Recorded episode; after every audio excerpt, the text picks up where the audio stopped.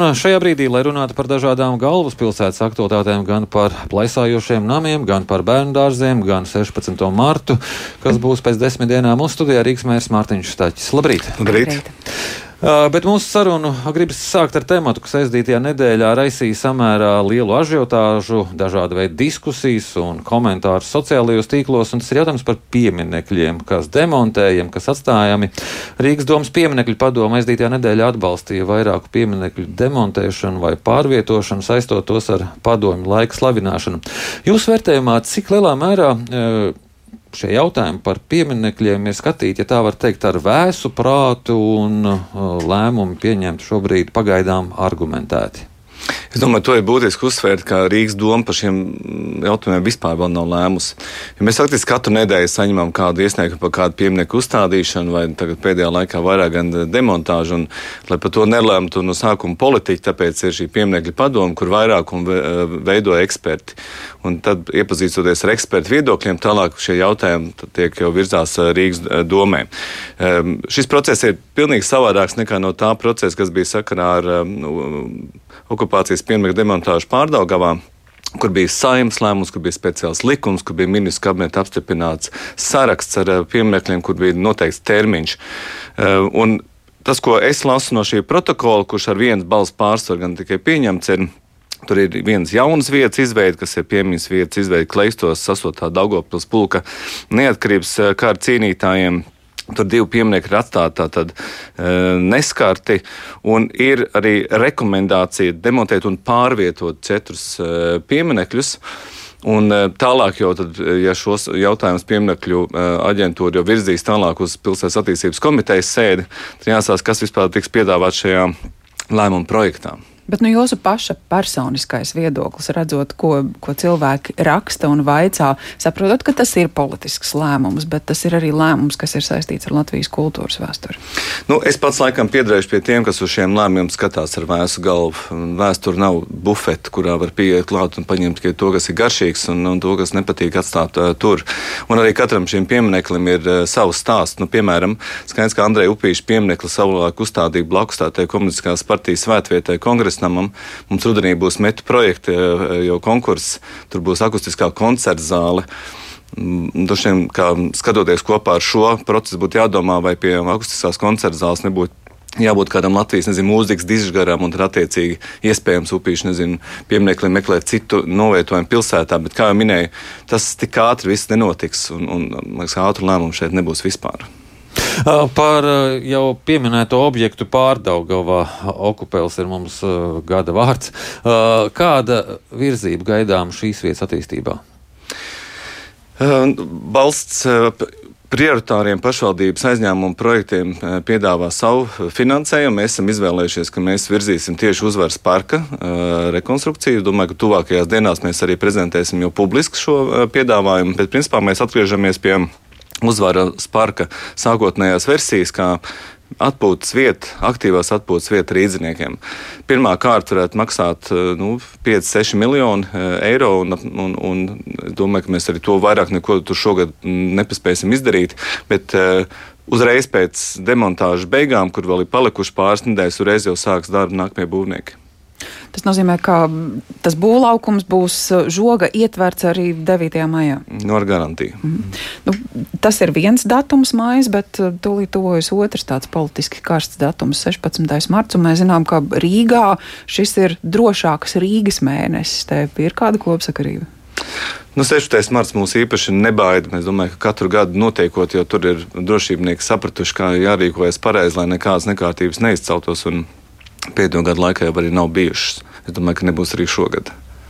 Ja būs eh, mums drošībnieki dot eh, ziņu, tad mēs varam, protams, arī atteikt, bet pagaidām nekāda tāda informācijas nav. 16. marts un 9. maija šogad būs, jūs skatāt, pilnīgi savādāk nekā bijis daudzus gadus. Nu, kā pagājušajā gadā noteikti. Jo pagājušā gada 9. maija vēl bija pie pieminiekļa. Bet nu, par drošāku Rīgu runājot, ir vietas, kur, kur cilvēki neskaitāmus gadus stāsta par, par tuneļiem, kur ir nepatīkami pārvietoties, par apkaimēm, kur tā sajūta nav droša. Kas martā tiks darīts, kādiem jautājumiem uzmanību pievērst? Jā, nu mēs vairāk esam lūguši pievērst pirmkārt ceļu satiksmei, jo tas, ko mēs no savas puses redzam, ka ir vairākas ielas, kurā no acīm redzam, cilvēki nebrauc pat ne uz 50, ne pat uz 70 km/h. Tā kā pašvaldībai nav tiesības kontrolēt ātrumu, tad mēs šeit varam lūgt tikai valsts policijas palīdzību. Mēs ar bažām skatāmies, kas notiek skolās, un tā informācija, ko mēs saņemam no vecākiem un, un, un, un citos kanālos, ka pieeja dažādi veidi ne tikai šim veipiem, bet arī, arī narkotikām vielām ir, ir tik viegli kā nekad. Un arī šī ir viena lieta, ko mēs varam darīt tikai kopā ar valsts policiju. Tā kā būs reizes skolās, pilnīgi noteikti. Un, jā, pievērsīsim īpašu uzmanību mums tiem saucamajiem melniem punktiem, kur arī uh, ir rīcības, kuras mēs varam veikt paši, bet ir rīcības, kuras mēs varam veikt tikai valsts policija kopā. Un līdz ar to valsts policija ir pašvaldības policija sastādījusi tādu kā plānu, un katru nedēļu mēs arī informēsim, kas būs šīs nedēļas galvenā aktualitāte. -hmm. Par skolām kāda veida reidi tad ir iecerēta šomēnes? Nu, reidiem ir diezgan svarīgi neteikt, kur un kādi reidi, jo tikai tad tie dod rezultātu. Bet skolas šobrīd jau pašas piesakās, un principā ir jau izveidojusies rinda. Protams, ka šiem uh, policijas trenētiem suņiem Bieži vien šīs sintētiskās narkotikas nemaz nav tik viegli atrast. Bet mēs paši zinām, nezinu, tos pašus telegramu kanālus, kuros diezgan atklāti piedāvā dažu veidu apriebinošu vielas, un pat ar informāciju, ka viņas pat piegādā uz skolu klāt. Es domāju, ka šeit jātaisa daudz plašākas operācijas, lai cīnītos ar šo sektoru, kurām liekas, ka ir pilnīgi visatļautība. Bet, nu, ja runājam par skolām, ja runājam par pirmsskolām, tad kāda kārtība te Rīgā ir šajā saimniecībā, jo zinām, ka ir bērnu dārzi, kuri stāv tukši, kur pretī ir cilvēki, kuri stāv rindās, un tā arī nesagaida iespēju pašvaldības dārzņā. Jā, šie divi jaunie dārziņi, kurus mums izdevās ļoti veikli, operatīvi uzbūvēt un iekārtot, eh, nu, nepārāk veikli iet uz priekšu. Es teiktu, šeit lielā mērā bija līderības trūkums, jo, piemēram, šim mm, bērndārzam dzīpriņš, kurš ir rūpniecības ielā ļoti svarīgā vietā, tāpēc ka šeit mums vienmēr ir liels pieprasījums. Tikai no 1. marta ir, ir vadītāji atrasta. Protams, ka tas ir arī finansējuma jautājums, arī konkurence ar privāto sektoru. Mums no 2020. gadā līdzfinansējums bērnam bija 250 eiro, tagad jau ir 328. Bet tas arī devis arī rezultātu. Jo 2020. gadā mums bija 2200 bērnu rindā, tad tagad ir 800. Ņemot vērā, ka 847 bērnus mēs esam uzņēmuši no Ukraiņas bērnu dārzos. Tā kā līdz ko šie divi bērndāzi varēs jau pilnā jaudā strādāt, tā rinda būs vēl mazāka. Un es domāju, līdz 25 gadam uz papīra, es domāju, rindas pat vairs nebūs. Bet būs apgājums, kur būs pieprasījums bērniem vienmēr. Tas ir centrs, eh, skans, te, kas strauji attīstīsies, teikti un tā tālāk. Bet, nu, ja par skolām, tad skolu tīkla sakārtošana uz Rīgu arī vēl kaut kā attiecas? Jā, mums bija tikšanās pagājušajā nedēļā ar izglītības eh, ministriju. Viņi uh, joprojām vēlas, lai mēs ejam tajā virzienā, um, kurā tātad notiek skolu līmeņošana. Proti, uh, vidusskola, kurā nav pietiekams bērnu skaits, tiek pārveidot par pamatskolu. Un, attiecīgi, mēs varam gan uz pedagogus, gan arī skolēnus novirzīt uz vidusskolu. Tas ir ceļš, kur mēs esam gājuši šos gadus, un mēs arī turpināsim triet. Mums šeit nav nekāda pretruna. Bērnu dārzos jūs sacījāt, rindas drīz nebūs, bet kā būs ar pedagogiem gan bērnu dārzos, gan skolās? Un turklāt vēl ņemot vērā pār, pārēju uz latviešu valodu pilnībā ar bažām uz šo skatāmies, tādēļ, ka daudz pedagoģi arī mazākuma skolās ir pensijas vecumā, un mēs šobrīd jau piedāvājam mm, dažādu veidu palīdzību kursus, lai apgūtu valsts valodu tajā līmenī, lai varētu mācīt. Mēs zinām, ka ir, ir, ir pedagoģi, kas saka, ka viņi visticamāk tomēr izvēlēsies iet pensijā. Tā kā es domāju, ka nu, tas būs izaicinājums vēl tuvāko gadu laikā. Nu, šī gada budžetā rekordlielākie skaitļi ir tieši atalgojuma pieaugums pedagogiem. Tā skaitā pirmsskolām 6,1 miljonus ir uh, tikai algu pieaugumam, un piemēram pedagoģu palīgiem, ja auklītēm, tie ir 20% vidēji vairāk nekā pārējiem. Tā kā uz pierīgu pedagogu nepārcelsies, ja? Mēs zinām, ka tā konkurence ir diezgan. Nu, viņi pārcēs gan citiem iemesliem dēļ, tāpēc, ka pierīgas pašvaldības joprojām saņem par 15% lielāku finansējumu izglītībā nekā mēs. Un šo jautājumu var izsināt eh, budžetā?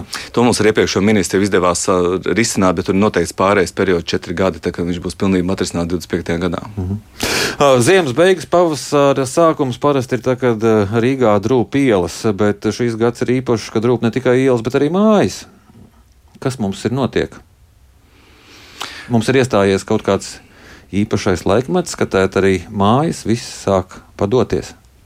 Nu, šeit gan laikam būs jāatsaucās uz Andreju Upīšu sūnciem zēniem un jāsaka, Laimes lācis šeit neatnāks. Un, um, iedzīvotājiem būs tomēr par savām mājām jāparūpējās, jo tas, ko mēs redzam, ka šie visi stāsti ir ļoti līdzīgi.